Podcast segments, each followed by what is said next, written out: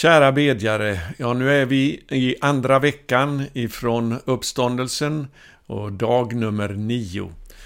I lördags morse så väckte Guds ande mig med ett ord ifrån Jesaja 55 och vers 6. Så jag ska läsa den här versen för er och också de följande verserna. Jesaja 55 och vers 6. Sök Herren medan han låter sig finnas. Åkalla honom medan han är nära. Den ogudaktige må överge sin väg, den orättfärdige sina tankar och vända om till Herren, så skall han förbarma sig över honom och till vår Gud, ty han ska ge mycken förlåtelse. Mina tankar är inte era tankar och era vägar är inte mina vägar, säger Herren. Nej, så mycket som himlen är högre än jorden, så mycket är mina vägar högre än era vägar och mina tankar högre än era tankar. Ja, det är ju så att vi ska alltid bed, bedja, men det finns också vissa tider som det står om i ordet här, då vi ska eh, verkligen be extra mycket. Och jag tror att den här tiden nu mellan påsk och pingst 2020, då vi samtidigt går igenom en världshistorisk kris genom coronaviruset.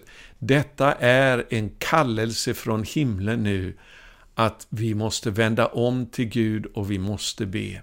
Så jag prisar Herren för det här, de här 50 dagarna nu av bön mellan påsk och pingst. Det här är ett historiskt tillfälle. Och det är så att alltid i kristider så är det en möjlighet både för mörkrets makter att rycka till sig initiativet, men det är också en möjlighet för Guds rike att bryta fram. Och det är nu, mitt i den här tiden, som Gud kallar oss till de här 50 dagarna av bön mellan påsk och pingst. Och de här orden, de träffade mig så starkt när jag vaknade på morgonen i lördags. Sök Herren medan han låter sig finnas. Åkalla honom medan han är nära. Och jag ber att Gud ska kalla många nu att bedja. Jag vet att vi är ju inte de enda som ber i Sverige 714. Det finns många andra också som ber Sverigebönen, nationell bön och många andra rörelser som jag inte ens känner till. Och jag tackar Gud för det, för det är en kallelse nu från himlen att nu behöver vi verkligen söka Herren. Och jag har också förstått att eh, den internationella böneledaren Lou Engel också kallar till bön nu mellan påsk och pingst om en ny andeutgjutelse över oss. Och vänner, det är den enda räddningen, att det ska bryta igenom ifrån himlen som svar på bön. Och jag märker för egen del att bönens ande börjar ta tag i mig nu på ett mycket starkare sätt. Jag känner kallelsen till bön. Jag har börjat att läsa också om väckelsehistoria eh, för att bli inspirerad av det som har hänt i tidigare väckelser. Jag har just avslutat eh, Charles Finneys självbiografi. Eh, tänk väckelsen i Rochester i New York. Den första väckelseserien som han hade där, då man beräknade att 100 000 människor kom till tro i den väckelsen. Och det var en väckelse som var genomsyrad utav bön. Det var bland annat en ung man som tillbringade eh, dag och natt på sitt hotellrum. Han knappast åt någonting utan han bara låg inför Guds ansikte och bad och bad och bad medan tusentals människor kom till tro. Och just nu upplever jag att det är en sån tid då vi kan få vara med om att se Guds rike bryta fram. Det är en strategisk tid, det är en kallelse från himlen under dessa 50 dagar mellan påsk och pingst. Jag vill uppmuntra er, sprid den här videon till så många ni känner, uppmana dem att nu behöver vi gå in i bön. Och det är ju så att vi kan inte bedja om inte den helige Ande hjälper oss. Men det börjar med att vi ger oss själva till bön, så kommer Gud att komma vår svaghet till hjälp och hjälpa oss att kunna be. För jag längtar efter att bönens ande ska komma över oss väldigt starkare än hittills. Så jag vill uppmuntra var och en här nu att utöka bönen. Jag skulle vilja utmana er att under de här 50 dagarna försöka ta 50 minuter minst till bön varje dag. Kanske en halvtimme på morgonen, 10 minuter mitt på dagen och 10 minuter innan du går och lägger dig. Eller om du är en kvällsmänniska, kanske hellre vill bedja längre på kvällarna. Vad du än gör, se till att du utökar din bönetid. Eh, boka in en dag i veckan till fasta. Det finns också utrymme för bönenätter under helgerna. Det här är en tid nu då Gud kallar oss till bön och jag har blivit påmind om det här ordet som jag fick när Gud kallade mig till bön 1977. Där Gud sa att han kommer att sända en väckelse som blir mycket större än det vi någonsin har sett tidigare i historien. Och jag undrar, är det nu? Ja, det beror på dig och mig. Vi kan få vara med att ge oss själva till bön nu under den här tiden för att få se en ny andeutgjutelse över våra länder som bryter fiendens makt. Jag tänker också på orden i Andra Korinthierbrevet 6, vers 2. Eh, Paulus skriver, han säger ju, jag bönhör dig i rätt tid och jag hjälper dig på frälsningens dag. När är det då? Jo, Paulus skriver, se nu är den rätta tiden. Nu är frälsningens dag. Och det är nu vi ska åkalla Herren medan han är nära och söka honom medan han låter sig finnas. Eh, och det är ju så att Gud har lovat att, vi, eh, att svara på bön. Jag vill också skicka med orden nu ifrån Lukas kapitel 11. Eh, där det står så här, Jesus undervisar och så säger, det är så enkelt och så rakt på sak. Från vers 9, jag säger er, be och ni skall få. Sök och ni skall finna. Bulta och dörren skall öppnas för er. Om jag förstår det rätt utifrån grekiskan här så handlar det om en pågående tempus här som kan översättas be och be igen. Fortsätt att be. Be och be och be och be och ni skall få. Sök, sök, fortsätt att söka och ni skall finna. Och vulta och dörren skall öppnas för er. Och så står det så underbart i vers 10. Ty var och en, det gäller dig och det gäller mig.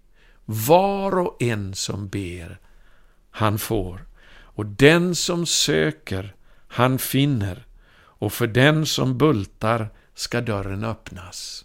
Ja, du kanske säger, jag har bett och jag har inte eh, upplevt att jag har fått några bönesvar. Nej, det är möjligt, men vägen finns öppen för dig precis som för alla andra. Gud har inget anseende till personen, utan om vi ger oss själva till bön och ber till dess att vi får bönesvar, så kommer vi att få bönesvar om vi inte ger upp. Och Det är det här vi behöver lära oss nu. Jag blir påmind om hur Luther tillbringade tre timmar varje dag till bön.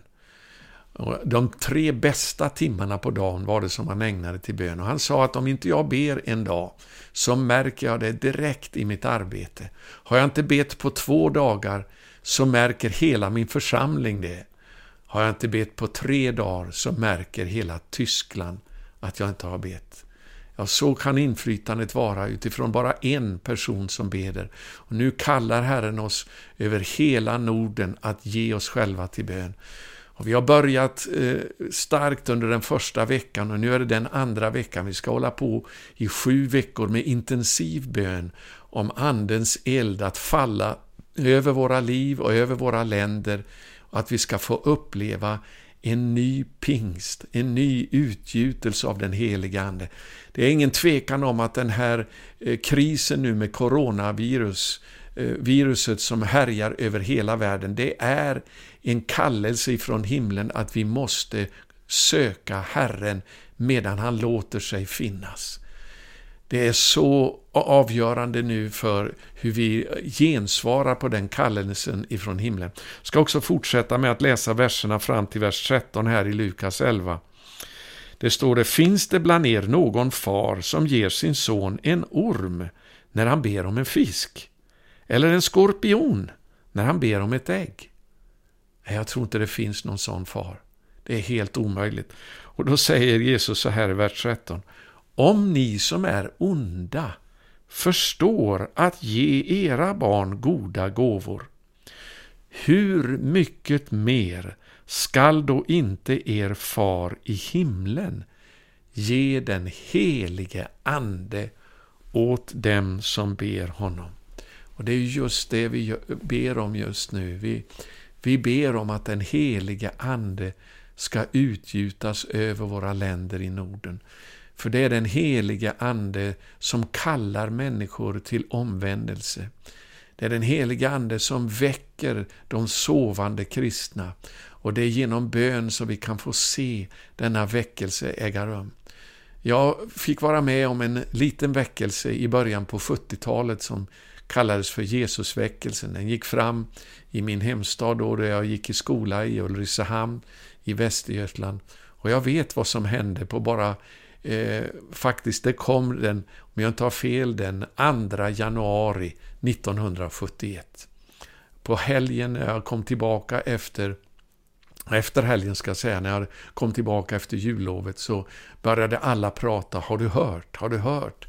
Den och den har blivit frälst, den och den har blivit frälst. Och så fortsatte det i stort sett hela vårterminen med människor som aldrig hade frågat efter Gud, som blev frälsta, speciellt ibland ungdom.